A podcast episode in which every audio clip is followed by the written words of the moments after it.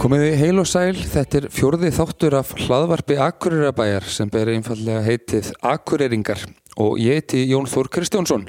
Mér nokkar að byrja því að þakka ykkur fyrir frábærar viðtökur. Það eru greinilega margir ánæður með þessa nýju aðferð okkar við að miðla sögum Akureyringa og við veit að upplýsingum um ímsa þjónustu og annað sem við kemur sveitafélaginu og það er frábært en það ætlum við að halda þessu áfram. Viðmennandi dagsins heitir Bryndís Elva Valdemarsdóttir og er starfandi deildarstjóri, forvarna og frístundadeildar hjá Akureyrabæ.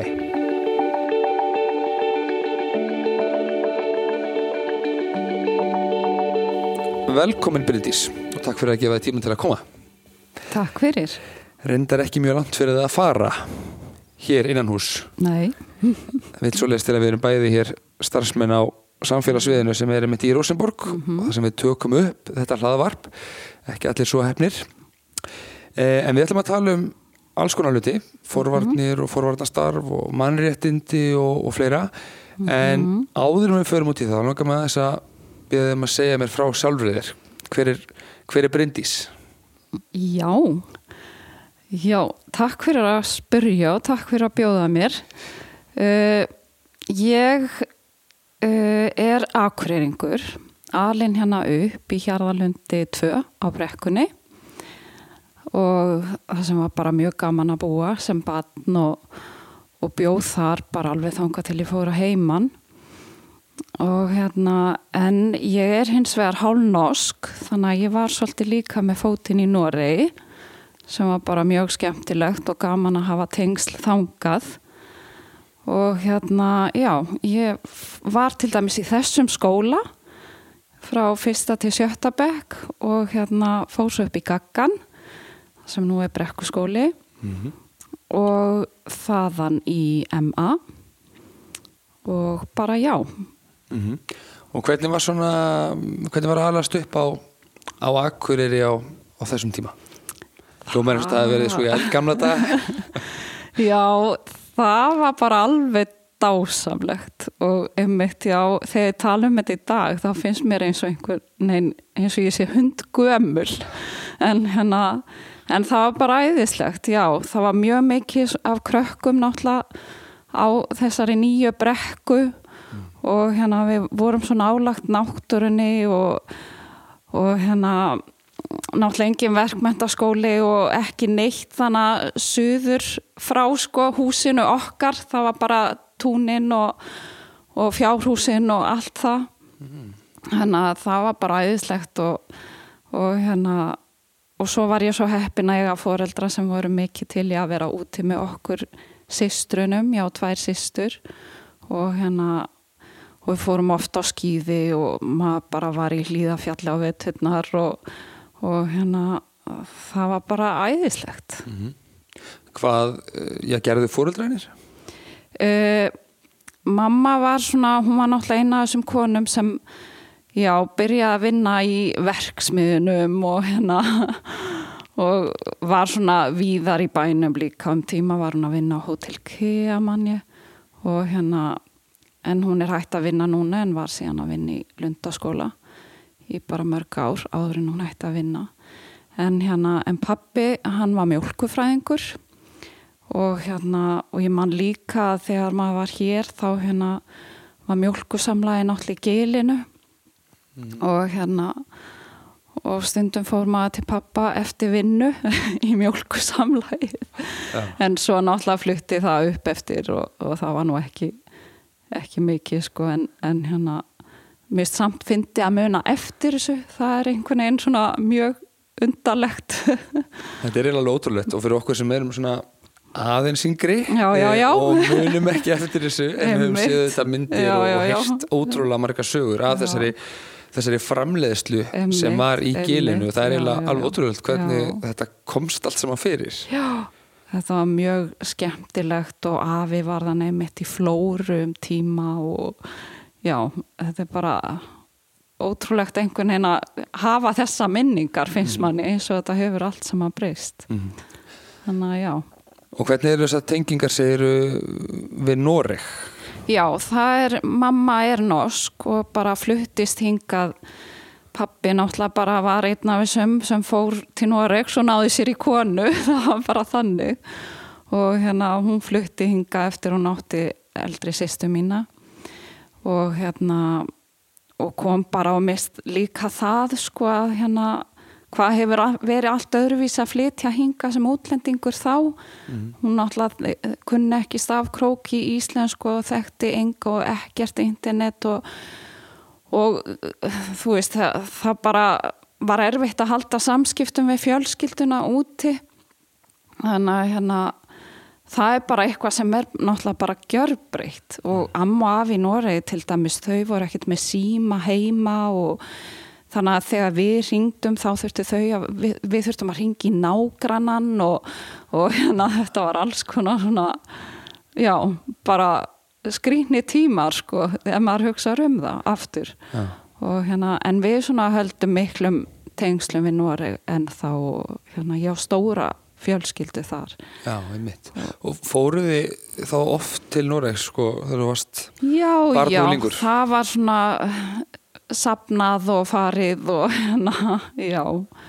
Við hérna nutum þess allavega ég og eldri sýstu mín að fara þanga á sömrin og, og hérna bara indislegt sko ja. og gaman að eiga það og, og þú ætti sjálf eftir að flytja svo já, síðan hérna bara klára ég mentaskóla og, og svo fer ég í háskólan söður og hérna og er komið tvö börn þegar ég ákveð bara í miðjun á mig að reyna að sækja um Norrplústyrk til þess að komast og klára að taka háskólan á múti að því mér langa að prófa að búa líka sjálf og hérna og ég fekk það þannig að ég tek þannig hlut af því námi við háskólan í Oslo.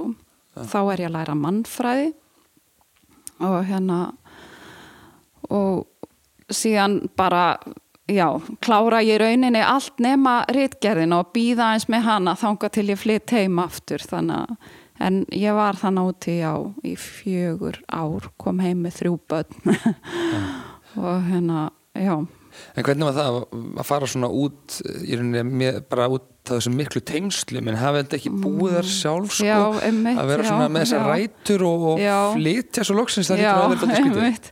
Það var bara indislegt sko en ég bjóð þá, já ég var þá í Oslo en fjölskylda mín er norðar sko mm. þannig að ég var ekkit í rauninni nálagt fjölskyldunni sem var en það var bara gaman og það var ég var búin að fara líka sem unglingur og vinna í Noregi við sumari með vinkonu minni einhver tíman mm. og hérna og það var bara mjög gaman að koma ángað og svona fá þetta undir skinnið einhvern veginn að hérna en já og bara ég hef eiginlega bara alveg já, fylgist vel með öllu sem gerist þar og, og hérna já, horfa norska sjónvarpið og allt það sko ja, og hérna, já þannig að það var bara mjög gaman að flytja út og það var líka svo gaman að fá hérna þegar maður er í námi fá svona aðra einhvern veginn já, fá ströym á stefnur annar staðar frá og önnur sjónarhorn og öðruvísi kjenslaðferðir og allt það og mér fannst þeir náttúrulega vera miklu framar til dæmis í kjenslaðferðum sko. Já, er það? Já, það var svona allt öðruvísi einhvern veginn Hvenar var, var þetta sem varst þetta úti? Þetta var 94, já mm. það fannst þér þá mikill munur sko á, á norsku og íslensku samfélagi? Já, það, það var töluverði munur, það var það og þeir voru þannig búinir að tilenga sér miklu meira, fannst mér sko netið og allt það og hérna bjargaði mér alveg, ég fekk bara strax netfang þegar ég kom út í skólan og ja. þú veist á þessum tíma og hérna og líka var miklu meira þar í háskólanáminu, miklu meiri umræðu tímar og hérna og svona meira lagt upp úr virkni nefnda mm. þó að fyrirlestrani væri alveg í rísa stórum sál, þá varst í umræðu tímum og hérna gast alltaf já, verið í nánum samskiptum við svona í smarri hópum þannig að það var mjög gaman. Spólum aðeins tilbaka, segðu mér aðeins meira frá svona, já, framhaldsskóla árunum og þeim tíma eh, hér. ég fór í Emma, já, og hérna og það var bara ótrúlega skemmtilegt í Emma. Og ég var svona já, ég var örgla bara eina af þeim sem var svolítið sjálfkverf og hugsa um sjálfa mig og, og allt það. En það sem náttúrulega breyti miklu fyrir mig það var að ég eignaðis barn áður en ég byrja á fjórða ári. Já.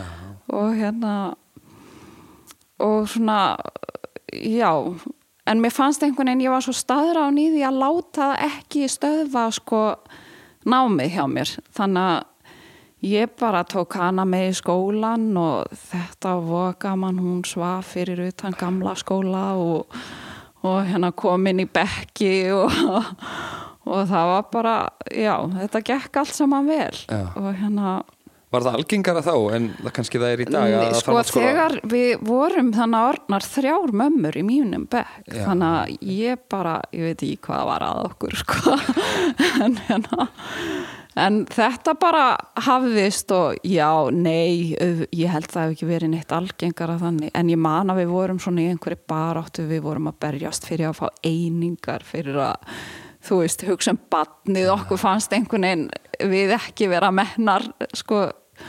En já, þeir voru ekki alveg tilbúinir til þess þannig En þetta er allt saman, Ná. geng, allt saman gengið upp. Já, þetta gekk upp og bara ótrúlegt sko, en síðan eftir hérna, ég var einhvern veginn staðráðan í því eftir stúdentin og bara áður en ég útskrifast þá var ég einhvern veginn bara, nú er minni skólagöngu loki, nú ætla ég bara ekki að læra meira. Alveg bara komið fínt. fara út á vinnumarka en þetta bara orðið fínt. Og ég fór hérna uh, byrja að vinna á Hótel Norðurlandi og vann þar í tvö ár í móttökunni. Og þá fekk ég mjög góðan yfirmann sem er hún Sigrún Björk fyrirverandi bæjastjóri Já. og hérna það var svona skemmtilegu tími líka. En svo bara hugsaði ég ok, það er ekkert vitt í þessu maður þarf að læra eitthvað. Þannig að já þá fór ég til Reykjavíkur og, og hérna Og í mannfræði? Já, byrjaði í mannfræði og, og tók líka smá frönsku og hérna bara svona upp á djókið. Og sem að gerir og hérna síðan bara átti mannfræðin mjög vel við mig af því það er einhvern veginn þannig að allt sem við kemur samfélaginu það á svo vel við mig. Já. og hérna og já, ég tók líka reyndar einhverja kursa í alþjóðstjórnmálum að því ég hef alltaf verið einhvern veginn líka svona allt þetta sem við kemur bara öllu fólki einhvern veginn heiminum öllum, það hefur einhvern veginn verið svolítið mitt. Já. eins og ég segi, mér langaði líka að stækka sjóndeldarhingin og þess vegna fór ég hana til Noregs og hérna en svo kom ég heim eftir Noreg og, og kláraði rítgerðina og, og hérna og fór þá að vinna eftir það og það var hann í kringum 2000 og þá hérna fór ég að vinna hjá svona alþjóðlegum samtökum sem margir kannast við sem heita SOS Barnaþorpin. Og ég starfaði hjá þeim í fjögur ár að bara mörgum svona skemmtilegum alþjóðlegum verkefnum. Þá bjó ég í Kópói og, og þá kynntist ég svona meira þessari svona alþjóðlegu mannréttinda vitt sem á svo vel við mig og hérna og ég var þar líka svona virk í foreldrafélögum, í skólum og, og hérna kom þá líka að forvarna starfi mikið, ég var þá svona í samstarfshópum forvarnir í Kópói og hérna og já, svolítið smá svona speiklun á því sem ég er að gera í dag. Einmitt. Hvað heldur það að sé hverju, hvaðan kemur heldur það að sé áhugi á svona samfélaginu og, og, og hvernig við tæklum svona alls konar málefni og mannréttindi og, og slíkt? Ég veit það ekki, ég, ég hef einmitt pælt í því, ég hugsa einhvern tímann hugsa er ég, er, er þetta því ég eignast bann snemma, því man, ég var svo ákveðin í því að sko sanna fyrir fólki að ég gæti þetta, þú veist, þetta var einhver svona þetta á að hefnast þetta dæmi, en hérna og ég man maður var að strauja samfellurnar og allt hérna til að standa sig og sína þetta sko.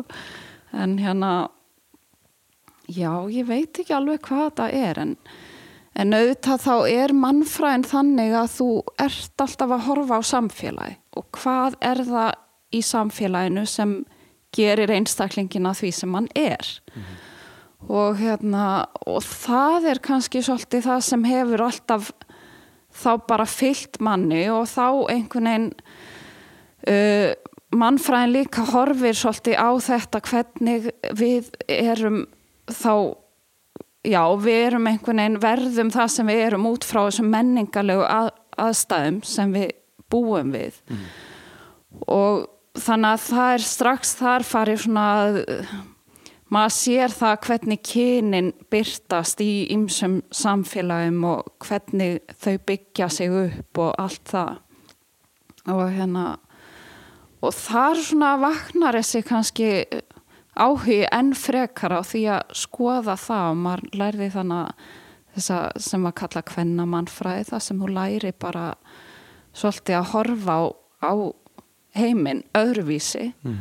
og hérna já, þetta einhvern veginn bara hefur þróast svona Emme. og síðan hef ég einhvern veginn haft svona líka bara já, þegar ég var að vinna hjá svo spannaþorpunum þá sá maður þetta líka bara heilt yfir starfandi meir en 120 löndum hvernig hérna konur bara er ekki að fá sömu tækifæri og kallar hvernig kerfin okkar eru uppbyggð og hérna og maður fer svona einhvern veginn að bara fát undir húðina ja. og vilja gera eitthvað í því Akkurat. það er einhvern veginn þannig en það er nefnt svona, svona þunn lína yfir í sko bara svona hugssjónastarf og, og jafnvel yfir í sko í pólitík sko, já, Hef, já, hefur ekkert verið þar?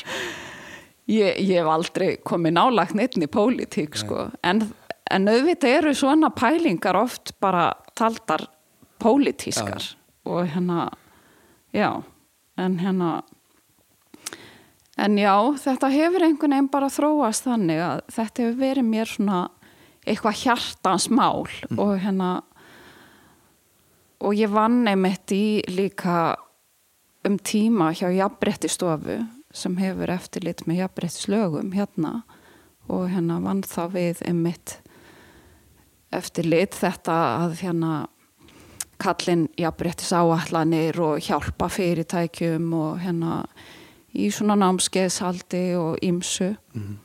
og hérna já, þetta hefur einhvern veginn alltaf bara fyllt manni já. Og þá hefur þú náttúrulega fengið að verða vittni af e, ótrúlegum breytingum á þessu eins og á jafnbrettis baráttunni, ég meina þó að það sé sko alltaf verk að vinna þá það hafa orðið gríðilega mikla framfærir, er það ekki? Jú, það hafa orðið mikla framfærir og, og hérna auðvitað sko spannar það lengri tíma heldur en nokkuð tíman ég hef einhvern veginn verið að pæli þessu eða komið nálagt þessu eða hvað. En mér finnst samt sko síðustu ár jú það hafa orðið framfarir hvað varðar sérstaklega kannski þáttöku kalla og hérna í bara öllum þessum pælingum og inn á heimilum og allt það það hafa orðið miklar breytingar þar. Mm en samt er einhvern veginn eins og við séum svolítið hjakkandi í einhverjum hjólförum á, já það er eitthvað sumt er svo bara búið að festa svo rætur að það er svo erfitt að breyta því þannig að já Einmitt. Hvenar hérna flyttur þú til Akureyrar og hvenar, hvenar fer það að vinna hjá Akureyrar bæ? Ég er nú bara búin að vera hérna hjá Akrabæ í tvö ár en ég er búin að búa hérna síðan núna 2005 Já. Og hérna og ég var sem sagt uh, var um tíma svolítið mikið svona grúskandi einirki ég var að gera svolítið svona úttektir og slíkt fyrir bara stopnanir og, og hérna vann hérna skólaúttektir fyrir mentamálaráðanetið og og tók þátt hérna í rannsókn á áhrifum starfsendurhæfingar og bara, já, var að gera svona ímislegt sem sjálfstætt starfandi. Og það bara líka hefur kent mér heilmikið. Og einhvern veginn já, ég, ég er svolítið mikið í texta sem er bara gaman en hérna og bara, já, maður fær svona bara áhrif og allt úr mörgum áttum. Þannig og þetta starf sem þú ert í í dag uh, þú ert í rauninni sko starfandi deildarstjóri eða fórstöðumæður. Mhm. forvarna og frístunda deildar búin að vera ekkert mjög lengi þar. Nei, ég uh, tók við þeim bolta bara núna í haust og hérna er í raunin að leysa af þar bara frábara konu hana Ölfu Aradóttur sem hefur leitt það starf bara ofbáslega vel. Og við erum einhvern veginn, ég held að við séum bara að gera frábara hluti þar á Akureyri. Og það verður einmitt eitthvað, það er líka eitt af því sem hefur kemd mér svo mikið, það er að koma inn í þetta. Og mér finnst það bara svo frábært að já, það, það er starfsfólk hérna á þessari deild sem er bara að gera góða hluti. Og það er einmitt þar líka verk að vinna Já. og hérna og nóg að gera hver eru svona fyrir þá sem ekki þekkja til helstu verkefni þessara deildar, forvarna Já, og já, frístunda deild einmitt. Sko, undir þessari deild eru, eru félagsmiðstöðar, ungmennahús og punkturinn og víðilundur og bugðusíða en ég er einungis með félagsmiðstöðar ungmennahús og svo er ég með badnvænt sveitafélag, það verkefni sem er innlegging á badnasáttmálanum og hérna og það er þannig í, eins og hjá félagsmiðstöðunum þá erum við náttúrulega með félagsmiðstöður í öllum skólunum eða þar að segja við erum með fimm félagsmiðstöður einn þeirra hérna í Rosenborg þjónar í raun þrem skólum og við erum með forvarn og félagsmála ráðgjafa starfandi við allar þessar félagsmiðstöðar og hlutverk þeirra er bæði að bjóða upp á sagt dagskrá fyrir ungmennin og svo er náttúrulega gríðalega mikið svona bara leitarstarf líka í rauninni. Það er þetta að hérna kortleggja svolítið stöðu ungmennana það er, þessi, það er þetta fólk sem sér þau í öðrum aðstæðum heldur en í skólunum þannig að þau geta oft séð eitthvað annað heldur en til dæmis kennarar sjá og þá er verið að horfa bara á vini og hverjir eru einir, hverjir, hvar er vannlíðan, já, margt svoleiðis. Og hérna og síðan erum við náttúrulega gríðarlegum tengslum við líka önnur svona svið og deltir bæjarins, það er fjölskyldusviði, eða já, fjölskyldusvið með barnavend og fræðslusvið. Og hérna og, og svo erum við náttúrulega að reyna að halda utan líka svona við erum með hópastar fyrir uh, ungmenni sem eru kannski á erfiðum stað sem þurfa aðstóð og hérna erum með svona ákveði prógram fyrir þau ungmenni. Já, það veit ekki allir að eins og ég sjálfur þegar ég hugsaði um sko félagsmiðstöðar og þetta mér í hugsauna já, opin hús sem að Já, ég hérna Já, maður sótti já, í grunnskóla já, og það er vissulega hérna stór Þau hluti af þessu, já. Mhm. þau eru ennþá. En svona þetta starf já sko for, forvarna og félagsmála ráðgjafa Já, sem er að vinna hjá já. félagsmiðstöðunum er, það er geysilega mikið og, og einskorast alls ekki við þessi opnu hús Nei, nokkur sem alls viku ekki. Það hérna Það er alls ekki þannig að þú stimplir inn klukkan nýja á kvöldin og, eða sjö á kvöldin og er tættu klukkan tíu. Þetta er alveg heilmikið starf og hérna og eins og ég segi þá er svo mikið sem felst í uh, því sem er utan þessa opnunartíma félagsmiðstöðarinnar. Að því það er allt þetta að vera í tengslum við ungmennin og hérna já þá er búið að kortleggja líka hvar er áhættuhegðun og allt slíkt til þess að mæta þeim. Og hérna svo eru alls konar náttúrulega viðburðir í gangi og það eru viðburðir sem þá ná til allra þvert á félagsmyndstur og oft þvert á landi. Það er náttúrulega heilmikið samstarf á landsvísu hvað allt þetta varðar. Þannig að og ungmenn í dag er einhvern veginn þannig aðal áskorinin er líka náttúrulega að fá þau inn í félagsmiðstöðanar að fá þau úr símunum heima mm. og snjáltækjunum við erum í heilmiklum hérna bara heilmikilli sams, samkeppni við snjáltækin En hvernig gengur það einmitt að fá þau, fá þau í félagsmiðstöðanar? Uh, það gengur það gengur alveg vel en auðvitað er það bara endalaus vinna Já. og það þarf að einhvern veginn hafa eitthvað í bóði fyrir þau þá en svo er náttúrulega líka þau eru líka að kenna uh, upp í skólunum það er hérna og þau eru með heilmikla fræðslu það má ekki gleyma því mm -hmm. það er heilmikil fræðsla sem þau koma með inn í bekkina og hérna og síðan eru stelpu og strákaklúpar líka sem eru í val áfengum og hérna og það er svona að hugsa sem þá félagsfærni klúpar og hérna já. Hvaða aldur er þetta sem við erum að tala um hérna var svona almennt sko sem tilherir þinni deilt Já, hvaða aldur er þetta sem við erum að tala um? Sko, þessa félag eða félagsmyndstöðunar það er þá fyrir börn frá feimtabekk og upp í tíunda og síðan er ungmennahúsið sem er hérna fjörðuhæð í Rosenborg og þar hérna er við þá þjóna alveg upp í 25 ára mm.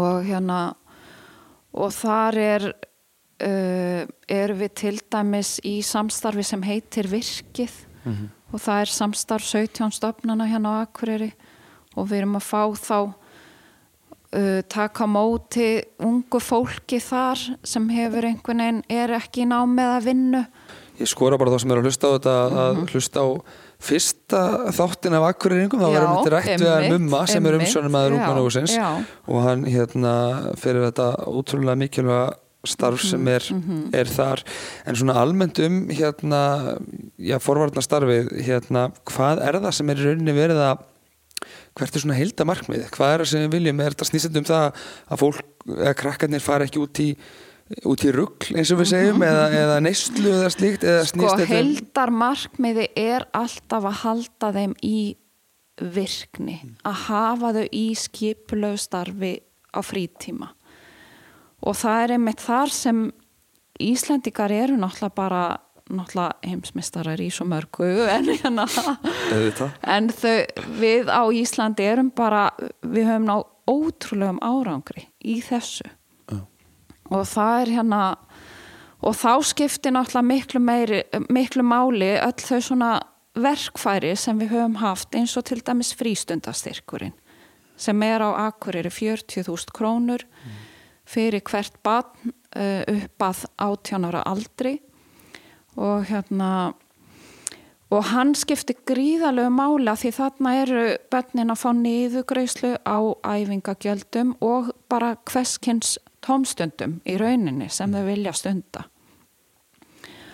Og félagsmiðstöðun og allt, já, íþróttinnar þetta er allt í rauninni forvarna starf já. og þetta er markmiði, það er að hafa þau í virku starfi einhverju sem sagt ekki að, að hanga eða þannig. Já, já, og, hérna, og í því fælst forvörnin. Já. og þetta er ótrúlega vítægt sko, þarf að vera samstarf margra aðila hlýtur að vera og Vissulega. þar koma íþróttafélögin og skólatnir og, og alls konar félög inn í. Margir, já, þetta er heilmikið samstarf og samtal allan tíman og bara, já. Er það kannski hlutverk sko sveitafélagsins einhvern veginn að, að taka þessa bolta og alla þess sem er að sinna þessu, þessu forvarnastarfi að einhverju leiti og, og halda þessu svona svolítið saman og búa til einhverju svona heldar mynda á þetta? Já, algjörlega og hérna og við erum eins og forvarn og frístundadeild og íþróttadeild eru til dæmis í heilmiklu samstarfi mm. og varðandi þetta og hérna og samtali og hérna og við erum líka með uh, forvarnateimi í, á Akureyri. Við erum með stóra forvarnateimi, svo kallaða, Já. sem hittist einmitt reglulega og á að fara að hittast núna aftur. Og í því teimi eru fulltrúar frá mörgum aðilum eins og lögreglunni og framhalskólunum og, og við svona, já, við erum alltaf í samtali við einhvern veginn þessa aðila og verðum einmitt og það er svo mikilvægt að það sé í gangi. Og hérna og við megum einhvern veginn aldrei sopna á verðinum. Og svo er það þetta stóra samtal sem við viljum alltaf veiga við foreldrana.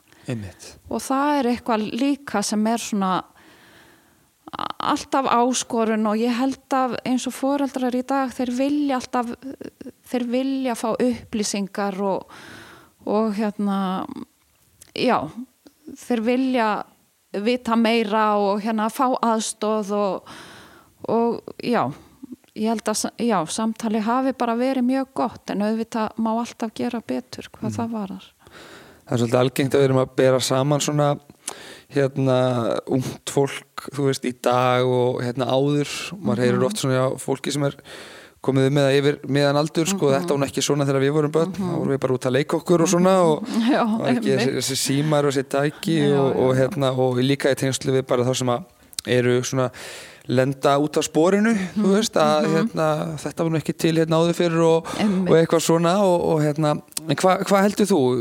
Hvernig er, hvernig er staðan heldur bara hjá ungu fólki svona held yfir? Staðan er uh, staðan er náttúrulega góð og slæm að því að það er margt sem er einhvern veginn bara orði betra unglingadrykja til dæmis og sem var bara mjög slæm til dæmis þegar ég var unglingur Hef, það hefur náðust á, Já, það hefur náðst árangur þar. En svo er það þetta, það er að koma svo margt nýtt. Og núna til dæmis, eh, við erum að fara að fá nýja tölur, núna bráðlega frá rannsóknum og greiningu sem gera alltaf kannanir í skólunum á hverju einast ári. Og hérna við erum einmitt mjög spennt fyrir að fá að sjá þær tölur. En til dæmis í síðustu könnunum þá voru til dæmis unglingar á Akureyri voru að skora svolítið hátt í orkudrykjaneyslu og hérna varðandi svefn, þau sofa ekki nóg. Og hérna og það er þá spennandi einmitt að sjá hvað kemur út úr næstu könnun. Og hérna já, við erum einhvern veginn þurfum alltaf að vera svolítið með puttan á búlsinu Já, og þú og þitt fólk og þitt heimi þið takir svona rannsóknir alvarlega og, og vinni með Já. niðurstöðunar og fræðslu og alvarlega og við ræðum þetta náttúrulega innan skólana uh, og síðan náttúrulega höfum við eins og í fyrra þá fengum við hérna bara fulltrúa frá rannsóknum og greiningu til þess að hérna fara yfir og heldum fundi í hofi fyrir foreldra og hérna og við gerum það vonandi líka núna. Að, hérna, og það er alltaf þá er einhvern veginn alltaf þetta hvar getum við bætt? Hvar við að hvar er ekki næg fræðsla? Hvar, já, hvar erum við stödd? En við erum þar svo margt sem þarf að horfa í að því heimurinn er og núna er til dæmis já, veip og, og bara ymsir vímugjafar bara að spretta upp sem voru ekki áður þannig að já, Já. Það er svona hérna, svolítið nýrveruleiki og náttúrulega svo tæknin og allt þetta allt skjárin. saman, já, skjárin líka og við vorum með til dæmis á dögunum fræðslu um bara klám áhorf hérna niður í hofi og, hérna, og foreldrar eru alltaf mjög svona já, þeim finnst gott að fá fræðsluna líka sko Einmitt. En svo er það þetta að fara inn í skólana með massífa fræðslu og þar hefur, höfum við verið einmitt bara mjög dugleg. Já. Það er oft talað með að hérna, maður heyrst að íþróttir séu svona kannski besta forvörðin eða svona Já, einmitt. sem er mikilvæg forvörðin og, og en það eru ekki allir ekki öll börn sem finna sig í íþróttum og ekki öll börn sem finna sig í, Nei, yfir höfuð í hefbunnu tómstundastarfi og það hlýtur að vera Já. gríðarlega mikilvægt að ná til þeirra. Já, það er það. Og við erum einmitt núna að reyna að fara að skoða þá líka hvaða börn eru til dæmis ekki að nota frístundastyrkin Já, einmitt. og hvernig er þá hægt að mæta þeim. Og já, við þurfum að nota þetta svolítið sem tæki þá. Og hérna og líka má nefna að við höfum alltaf verið frekar sveigjanleg hér á Akureyri. Varðandi það að já, ef eitthvað barn hefur bara hverki fundið sig í einhverjum hópíþróttum eða hóptómstundum þá við höfum verið sveigjanlega til dæmis varðandi það að þau hafa þá mátt kaupa sér kort í fjallið og, og sundkort og svona. Þannig að já, við erum bara að reyna allt einhvern veginn til að tegja okkur í, til allra Einmitt. Það er uh, sannlega frábært. Uh, mér langaði aðeins að fá að fræðast um eitt verkefni sem ég veit að þú og, og þið hafi verið að vinna að undarfærið og var bara uh, samþygt og tekið fyrir í bæjastjórn fyrir nokkur dögum síðan. Það er hérna ný mannréttinda já. sem er svolítið áhugavert ber yfirskriftina alls konar Akureyri Já, sem er mjög skemmtilegt hérna, nafn en þetta svona vekur aðtegli hérna, þetta er dálítið nýtt, ég man ekki eftir sko mannréttindastefnu nei. hér. Uh, Þetta, ég kom að þessu verkefni vegna þess að mannréttindamálin og jafnréttismálin eiga heima hérna á samfélagsviði og sviðstjóri samfélagsviðs er jafnréttisráðgjafi bæjarins. Og við höfum verið að vinna þessu núna í, já, einhver tíma og stefna mann samþygt núna í þessari viku. Og já, þetta er nýtt vegna þess að uh, við höfum verið að fylgja lögunum, jafnréttislögunum frá 2008 um sem sagt jafnastöð og jafnarétt kvenna og karla en núna vill svo til að við erum komið ný lög bara síðan 2018 þannig að við erum núna að útvíka þetta kallast að útvíka jafnréttis hugtakið Já, Þannig að við erum í þessari stefnu að ná til, eða sko að tryggja réttindi, má segja, fleiri hópa. akkurat. Og hérna við erum sennilega, það eru ekki mörg sveitafélög farin að gera þetta, sko, formgera þetta eins og við, en Reykjavíkuborg hefur gert þetta og mér minnir að ég hafi hýrt að Skagafjörður hafi gert þetta. Einmitt. En svona okkur þótti þetta bara komin tími á þetta í ljósi bara breyttra laga og hérna og líka til þess að bara tryggja fleirum. Akkurat, þannig að þetta hefur, þetta hefur verið jafnréttistefna Já. eh, en þarna snýst þetta ekki lengur bara um jafnrétti kalla og hvenna heldur alls konar hópa Já. Þannig erum við komið með fleiri breytur þá, Já. mismununa breytur eins og þetta heitir. já. Þegar þú sem sagt, tilheyrir einhverjum hóp sem gæti hugsanlega verið mismunað. einmitt og mörgum kannski finnst þetta svolítið svona eitthvað orðaleikur og Já, bara mannréttinda stefna sem byggir á þessum lögum Já, verða að útfika jafnbrettis hugtækið og út frá mismunabreitum og svona já, þetta þetta geta verið flókin hugtök Einmitt. og hérna en hvað í grunninn, hver eru markmiðin í, í grunninn á bara svona mannamáli?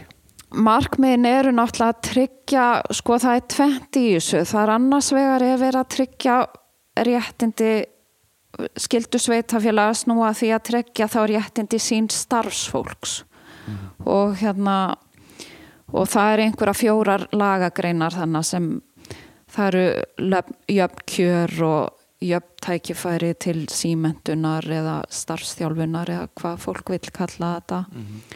Og hérna koma í veg fyrir kynferðislega áreitni það er líka alveg á að vera og það að fólk geti samræmt fjölskyldu og sem sagt atfinnu já, Já. að vinna og fjölskyldulíf. Já. þetta er bara, bara sem, já, sem vinnuveitandi þá er þetta bara akkurat sem vinnuveitandi. Og síðan er það það hvernig við erum þá út af við.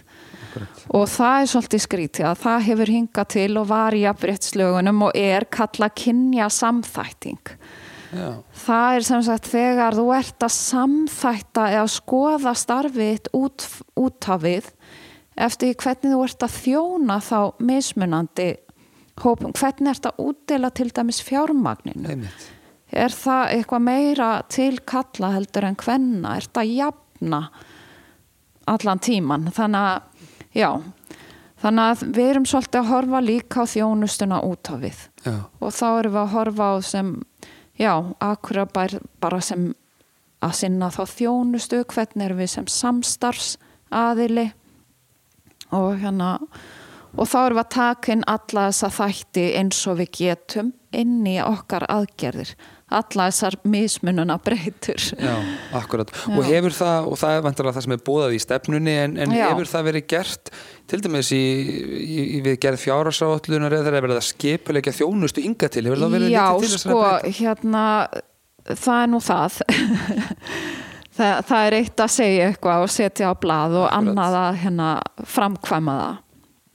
Og það hefur jú, það er búið að náttúrulega reyna að gera margt að einhverju marki en við þurfum náttúrulega alltaf að spýta í sko. Og það sem við þurfum að vera svolítið dugleira að gera hér það er einmitt þetta að bara sapna gögnum um starfið okkar. Hvað hérna uh, já hvað eru margar konur og kallar að sækja hinn á þessa þjónustu til þess að við getum einmitt byggt þá framtíðar ákvarðanir á einhverju og, hérna, og við meðum alveg bæta okkur þar. Og eins núna hérna, við þurfum svolítið að fara að skoða þjónustuna líka út frá fleiri hópum. Já. hvernig erum við að þjóna bara föllum til jafs við aðra og hérna þeim sem eru með aðra kynneigð og kynþátt og, og slíkt. Þannig að já, Þetta eru þessi hlutir, þetta eru, eru, eru kynneið og, og kynþáttur og föllun og kyn og, og svona fleira Já. í þeim dúr. já, Já, þannig að. Já, við þurfum eins og ég segi við höfum alveg verið að gera margt en, en það er svo margt sem bara við getum gert betur og, og núna bara í kjölfara á því að þetta plagg er samþygt þá náttúrulega munum við fara svona í það að kynna það betur og hérna ná til einmitt starfsfólks sem er að, að þjóna íbúum og hérna og við þurfum svolítið að fara að hugsa hvernig við fræðum það og gerum það ennþá meðvitara. Akkurat. Hmm. Maður rétt ímynda sér að þessi mál, sko að sveitafélagin hafi mjög mikla skildur í, í þessu málum bæði sem stórir vinnuveitundur Já, í samfélögum og líka sem hérna að veita mjög mikla þjónustu Mhm. og að maður svona rétt ímynda sér að það sé gríðarlega mikilvægt að sveitafélög séu svolítið meðvituð og með putan á púlsinum þarna. Já, þau hafa ríkar skildur og eru náttúrulega oft bara stærsti vinnuveitandi Einmitt. og einn af þeim stærstu allavega. Þannig að já, skildur þeirra er einhvern veginn ríkar og, og það er svolítið þannig kannski að sveitafélagi ætti kannski að vera svolítið farabrotti og hérna og aðrir svona þá að, að elda sko og þ- auðvitað ættu þau að taka það hlutverk sitt svolítið alvarlega þannig að Og nafnið er svona, svona skemmtilegt sko, alls konar akkur Já, er að gefa já. svolítið kynna hér Já. sé alls konar fólk og við bjóðum Já, velkomið alls við konar fólk. bjóðum þau velkomin og það er allan tíman þetta sko að við viljum ekki bara að sé einhvern veginn í orði heldur að við virkilega gerum það og okkur takist að hérna þessi aðlögun sem er að það verði bara einhvern veginn viðtekið að, að hérna útlendingur geti unnið með okkur hinum og þú veist að það verði bara hluti af lífinu einhvern veginn Akkurat. Og eru við alls konar akkurir í dag heldur eru við fjölbreytt samfélag? Er nú stundu talað um Uh. akkuriringar séu svona hérna eins og einhver svona hópur sem að hérna er rosa einsleitur en, Sko, en við erum það náttúrulega ekki. hérna, Við erum náttúrulega svona heilt á liti, við erum við frekar einsleit og hérna en við mættum örgulega að taka okkur tak bara varðandi það að einhvern veginn eins og ég segi að, að allir séu bara hluti af hildinni en ekki í hólfum og hérna, já. Og það er skýr vilji og áhersla sveitafélagsins með þessari stefnu Já, að bjóða alls konar Þetta- fólk velkomið. Já, þetta samþykti bæjastjórn og hér sitja allir við sama borð, það er bara þannig. Já, það er bara þannig. Já. og hérna og það er þannig í lögunum núna. Það er hreinlega bara einmitt þessir hópar hafa verið svolítið utan við. Að því Ísland svolítið dró lappirnar að, að hérna samþykja þetta er komið frá þetta eru Evróputilskipanir sem eru þannig að færðar í lög og Ísland dró í raun lappirna með þetta í mörg ár þanga til hana 2018 að þau voru samþygt og hérna þar með eru þá réttindi þessara hópa einmitt. samkvæmt lögum en svo er það okkar að koma eftir á og raungera þetta Og þessu fylgir væntanlega aðgerða áallun og þetta Já, er alveg, þetta er ekki bara eitthvað plagg til þess að sínast, það eru aðgerðir það eru aðgerðir og það eru ábyrðaraðilarana þannig að já, við væntum mikils. Og, og það fyrsta sem kannski maður þarf að fara eða svona, við þurfum að byrja það er náttúrulega alltaf þetta með staðalmyndirnar. Og við erum búin að heyra mi- heilmikið um staðalmyndir staðalímyndir kynjana Já.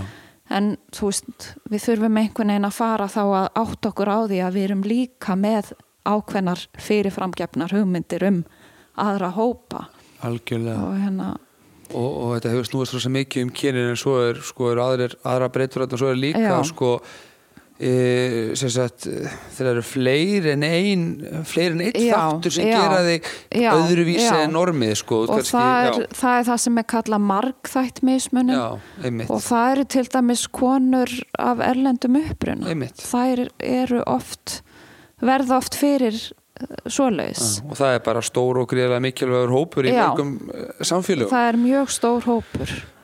Og hérna og það er bara heilmikið verk að vinna Já. á öllum vikstöðum það er mjög, hérna, þetta er áskorun og það verður mjög spennandi Já. að fylgjast með, mjög. með þessari vinnu. Ég, ég, hérna, Svo má nefna það líka við náttúrulega erum að gera heilmart í svona þessa átt varðandi líka börn vegna þess að við erum að innlega badnasáttmálan hér og, hérna, og þetta verkefni badnvætt sveitafélag er, er alveg á fullu.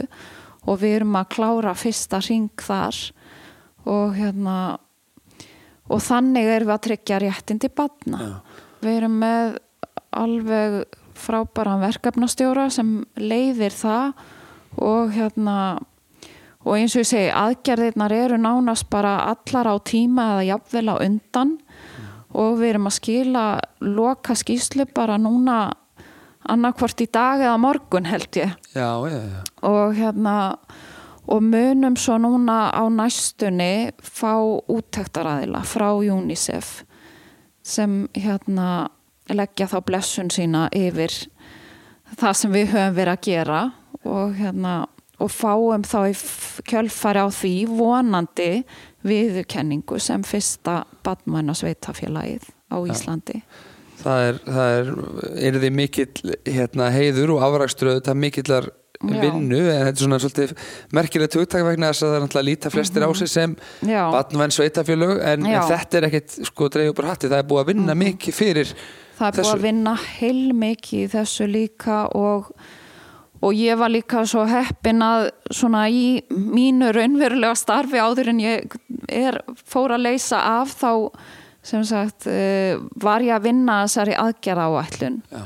og hérna og það var bara mjög skemmtilegt að einhvern veginn vera hluti að því að hérna að þetta var samþygt að því við erum núna líka komið uh, ungmennaráð sem er að fá svona meira og skýrara hlutverk í bæjakerfinu og hérna og þau voru til dæmis um daginn með bara sinn annan bæjastjórnafund Já. það var í fyrsta skipti fyrra og svo aftur núna. Mjög áhugaverður umræður. Hægt að horfa á það á, á internetinu heimasíða akkur er bara með annars. einmitt. þann fund. Já, það er rúlandi gangur í þessu öllu og bara og þetta er einmitt ekki dreigju upp úr hatti. Allt þetta hefur krafist mikillar vinnu og náttúrulega er bara mjög mikilvægt eins og ég sagði áðan um mannréttindastefnuna að þetta sé raungjart, þetta á ekki að vera bara einhver stafur Já.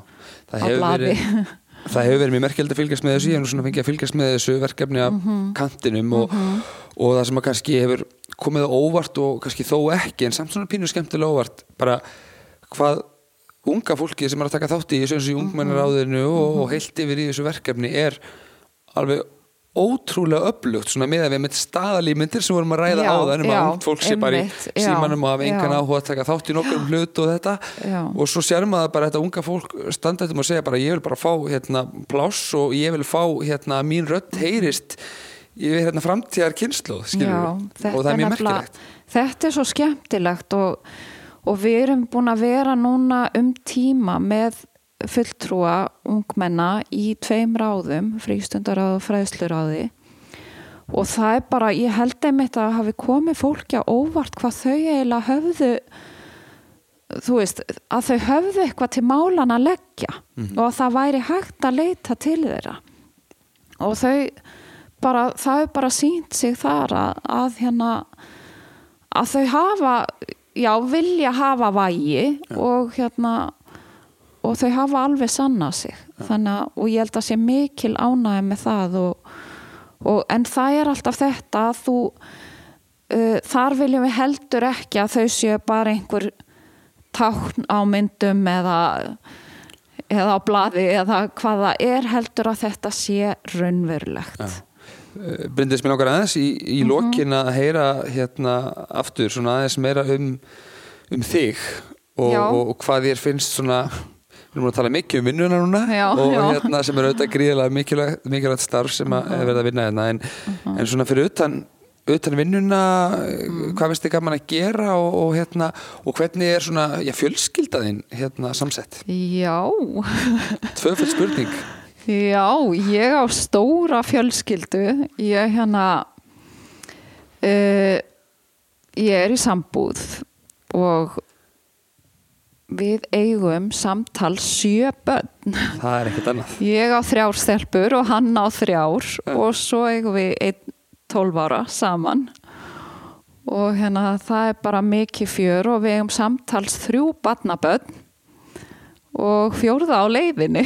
Þannig að, þannig að þetta er rísa fjölskylda og svo náttúrulega á ég tvær systur og þær eru með fjölskyldur og já, og við hittumst oft og mikið gaman. Já, það er kannski ástæði fyrir að ég blanda þessum Mhm. spurningum hérna, saman vegna þess að ég er svona bara heyrt og, og, og Já. séð að, hérna, að þú ert, þú ert mikil, mikil fjölskyldumann Já, einmitt, já, já, já, já, það því er ekkit annað, ég veit ekki hvað ég væri annars að gera með öllu sér bara en hérna, já, já, það er ég bara, ég er mikil fjölskyldu manneskja, það er rétt. Og, og mist annars í frístundum við förum mikið á skýði, bara ég hef alltaf gert það heilmikið. Og bæði svig og göngu er það norska blóðið sem er það er norska blóði, það er alveg og ég er alltaf með norska húi það halda allir að sé að mæta einhverjum ofur skýðamanni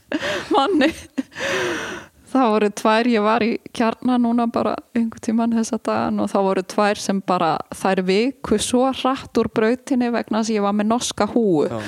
Þær voru alveg full, búin að fullvisa sig um það að þetta væri einhver ofur manneski Já. maður er ekkert fyrir norðmönum þegar þeir koma á fullri ferð Nei, á, það á bara, það gerist ekki sko. En nei, nei, annars bara já, bara skýði og öll möguleg útivera. Það er það sem heillar.